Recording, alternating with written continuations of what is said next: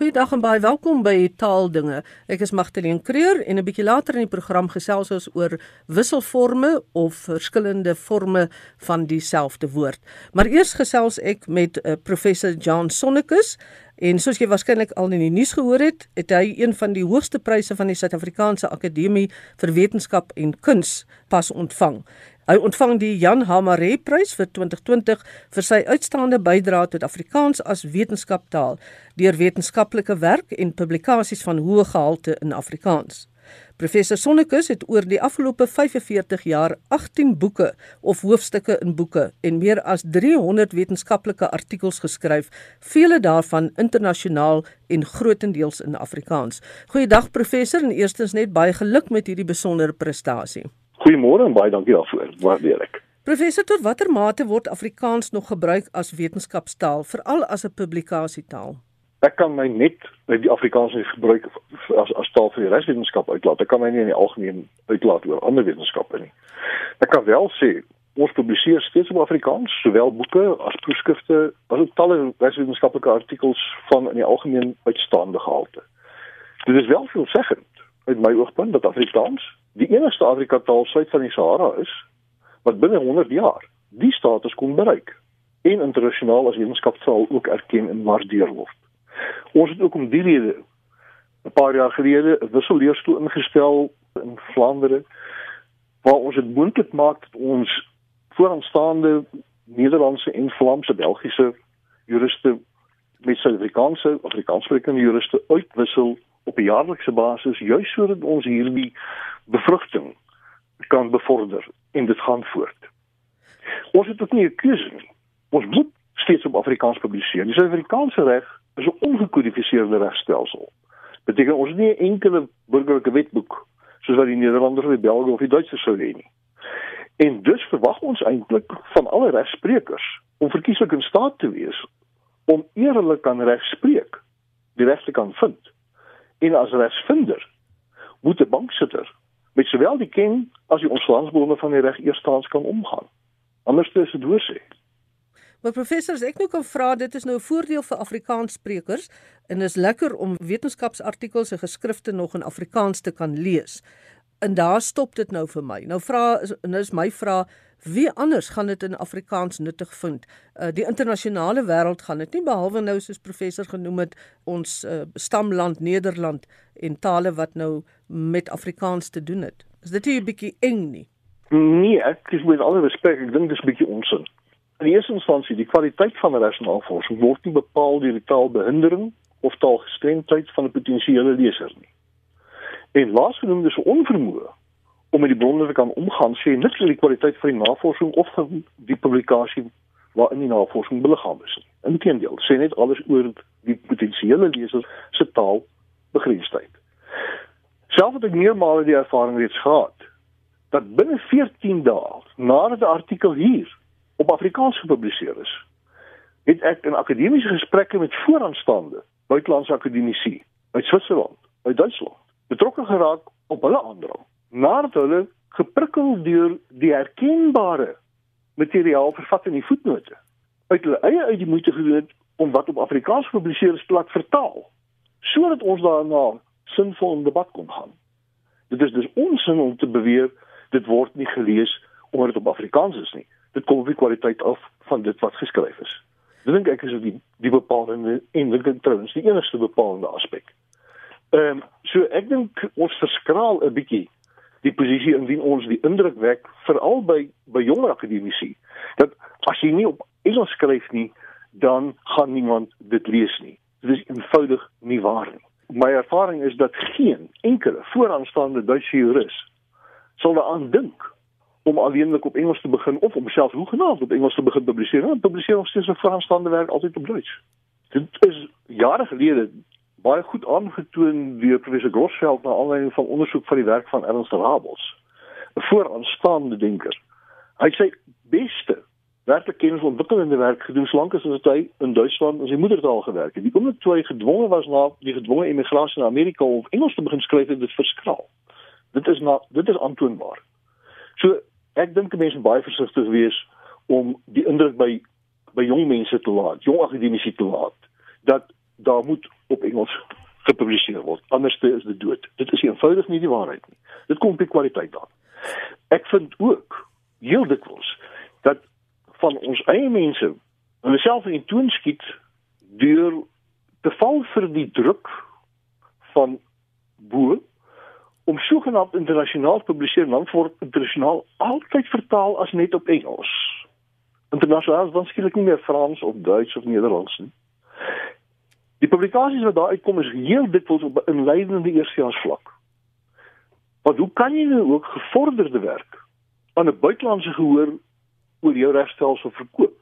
daarmee dra jy hoegenaamd nie wat my betref by tot kennisontwikkeling nie. Ek weet dat Franstaliges wat in die akademie is, uh baie in Frans self publiseer. Ja, al kyk na die in dieselfde ja.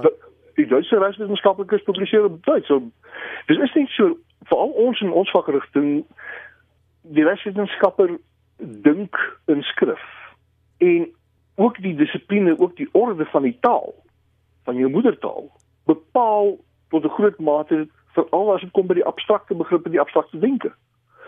Ek sien heel dikwels dit dat selfs mense wat beroepsregsvertalers is, bloed wanneer hulle probeer om van die ingewikkelde konstruksies wat ons byvoorbeeld in sakereg, sake, sekuriteitsregte of in ongeregverdigde ongegronde verleiding gebruik op Engels te moet vertaal. Dit raak omskrywing want Engels mis eenvoudig die presiese begripsonderskeidings wat ons vanuit die Germaanse taal gelukkig geërf het. Ons kan dit gebruik, ons moet dit ook gebruik. Dit is byvoorbeeld vir die Engelssprekendes is dit heeltemal gangbaar, aanvaarbaar om 'n begrip soos property los en vas te gebruik dan as tegniese sakeregtelike begrip, dan sommer net in die algemeen as 'n vermoënsreg, dan weer as 'n belang van 'n erfregtelike bevoordeelde ons kan eenvoudig nie so onpresies met taal omgaan nie. Ja, die regsgebied en die mediese gebied dink ek is die twee terreine waar 'n mens baie baie sekuur moet wees met die vertaling of met die taal wat jy gebruik. Presies. En juist om daai rede moet 'n mens probeer om dit op te skerp in 'n regstelsel wat ongekodifieer is. Moet jy in staat wees om na die bronne te gaan, sowel die kennis as die ontstaansbronne van die reg. Nou kom ons kom gou-gou na die praktiese toe. Watter uitdagings verg dit? Ek neem aan daar's baie wetenskapstaal en terminologie waarvoor daar Afrikaanse ekwivalente gevind moet word wanneer professor nou so hierdie stukke sit en skryf. Watter uitdagings kom jy voor te staan? In ieder geval wat ek klaar gesê het, is dit duidelik nie heeltemal waar nie. Danksy die feit dat ons deel van die Germaanse taalfamilie is, kan ons tot 'n baie groot hoogte aansluiting vind by ons taalgenote. Met ander woorde vanuit die Germaanse, vanuit die Duitse, vanuit die Vlaamse, vanuit die uh, Nederlandse. En is dit nie nodig om van hierdie begrippe wat ons wil gebruik te vertaal nie. Dis juis om of om nie te skep nie. Ons kan dit juis inderdaad baie maklik gebruik want dit was altyd deel van ons gemeene goed. Die gemeenereg, die Suid-Afrikaanse gemeenereg is Romeinse onse reg. Of jy kan dit omskryf soos wat ons net toe gepraat het. Meeste mense doen ons nie eers omskryf nie. Ons het baie spesifieke begrippe. Ek kan baie presies onderskei aan die hand van die begrippe wat ek het van uit die Romeins-Hollandse reg of van uit die Germaanse reg, van uit die Duitse reg, kan ek baie presies omskryf. Ek het 'n vaste begrip daarvoor. Ek hoef nie te gaan 'n lang omskrywing maak soos wat ek moet doen indien ek op Engels probeer dit omskryf nie. Nou wat is die rede se professor sê hoekom daar al hoe meer in Engels gepubliseer word op alle vakterreine nou maar kom ons hou by die regswetenskap ook. Ek kan verstaan dat uh, mense wat Engelssprekend is en dis is hulle taal net soos wat ons nou gepraat het jy, jy skryf makliker in jou eie taal dat hulle dit doen. Maar is dit ook so dat al hoe meer Afrikaanse mense wat baie keer nie eers uh goed tweetalig Engels is nie neig daarna om eerder in Engels te wil probeer maak nie saak hoe akentak soos jy ou sê nie. Ja, uh, ek het dit nog gesê ek self kry heel dikwels te doen met bydraes geskryf deur Afrikaanssprekendes op kromenskewe Engels waarmee hulle self in die toon skiet want hulle maak daardeur ook nie bydraes tot kennisontwikkeling nie inteendeel. Ehm um, die rede hoekom hulle dit doen is mees feitlik misleiding of 'n verleiding, misleiding hoofsaaklik om polities dienstig te wees. Ehm um, daar is in die struktuur op die oomblik die die indruk, die skyn wat gewek word van as jy dit nie doen op Engels nie, dan gaan niemand daarvan kennis neem nie. Hmm. 'n. Deel daarvan in ons rigting is as gevolg van 'n enkele se besluit om Afrikaans saam met die nege ander nie Engelse eh, Engels uitgeslote tale wat almal grondwetlik die status het van amptelike tale. Plotseling te verban vanuit die howe as taal van rekord as regstaal en skielik alleen Engels toelaat vir tuistukke vir vir gebruik in die howe. Dit is 'n ontsettende verskaling. Dit is waarskynlik gedoen as gevolg van die persoon se persoonlike taalbehindering, maar dit strek nie tot voordeel van die burger nie. En veral nie tot voordeel van die burger wat ingevolge die grondwet aanspraak daarop het dat wanneer 'n regsgeskil het sy geskil besleg sal word deur 'n bekwame persoon op die regbank wat in staat is om die reg te vind voor hy daar daaroor sal spreek. Nou professor om af te sluit, dit is wonderlik dat die Suid-Afrikaanse Akademie erkenning gee, want ek dink dit is ook 'n mate van 'n aanmoediging vir mense om te skryf. Dis 'n groot prestasie. Maar as ek net kan vra en dalk is ek onbillik, maar van al die wetenskapsgeskrifte, artikels wat jy nou al geskryf het in jou oeuvre waarvoor jy bekroon is, watter een was vir jou die lekkerste of staan vir jou om een of ander rede uit? Dit is ontsettend bevredigend geweest om te vind dat die hoofstof in die land by by meer as een keer met verwysing na navorsing wat in Afrikaans gedoen is en hier gepubliseer is geuite regspraak hersien het en in bepaalde gevalle die 180 grade gedraai het. Dit is inderdaad uiters vervelend. Dit beteken dat die navorsing het impak gehad op die totale bevolking. En dit is uiters vervelend ook bevredigend is as jy in gesprek kom met buitelandse kollegas wat in die eerste liga beweeg en ongevraagd van hulle kant af verwys word na wat jy geskryf het op Afrikaans. As dit beteken dat hulle dit nie alleen daarvan kennis geneem het nie, maar inderdaad bereid is om in debat te gaan daaroor en dit ook te volg. Ek het heel onlangs ek die enorme voorreg gehad met 'n kollega wat sit op die Joodse bank in in, in België vir my 'n besondere puntjie gemaak in die verband en dit dit dit is inderdaad uitspreek en dit blyk dan of of mense tog iets met die talente gedoen het. En dit was dan professor Jan Sonnekus. Hy's 'n regswetenskaplike en hy het sopas die Suid-Afrikaanse Akademie vir Wetenskap en Kuns se toekenning gekry, een van hulle hoogste toekennings vir publikasies in Afrikaans as wetenskapstaal. En nou gaan ek praat met professor Marnay Pinaar, hoof van veeltaalige taaldienskantoor by die Universiteit van Johannesburg en ons gaan praat oor woordwisseling of wisselforme dan by woorde. Goeiedag professor. Hallo Magdalene. Sê net eers vir my voor ons verder gaan, is woordwisseling en wisselforme een en dieselfde ding? Ja, 'n mens kan hulle eintlik in 'n groot mate as die as dieselfde beskou met ander woorde, maar dit gaan hier so spesifiek oor wisselforme eintlik in spelling. Met ander woorde nie noodwendig dat daar meer as een woord is wat kan verwys na 'n bepaalde ding nie. Ons is hier veral geïnteresseerd in wisseling in spelling en wat algemeen aanvaarde wisseling in spelling is. Gee gou vir ons 'n voorbeeld voor ons verder gaan. Weet jy, daar is sekere dinge wat mens op meer as een manier kan sien. Jy kan byvoorbeeld gaan kyk na, kom ons vat vinnig hier so 'n woord. Ehm um, iets is byvoorbeeld weer eens of weer eens. Jy kan hom vasskryf of jy kan hom losskryf. So in terme van sy skryfwyse gee die AWS vir jou twee opsies. Jy kan of die een doen of die ander een doen. Nou is daar 'n standaard of 'n begrensde uh, wisselvorm vir 'n spesifieke woord woord of kan jy ja, enige een ja, gebruik? Ja, daar nie daar is en ek dink die AWS is ook redelik duidelik daaroor dat ehm um, weet as dit gaan hier vir ons spesifiek oor skryfvorme en in spesifiek skryfvorme in standaardtaal. So ons neem nie alle denkbare wisselforme op nie, wat nie beteken dat mense dit nie kan gebruik veral in gesproke taal of in kreatiewe tekste nie.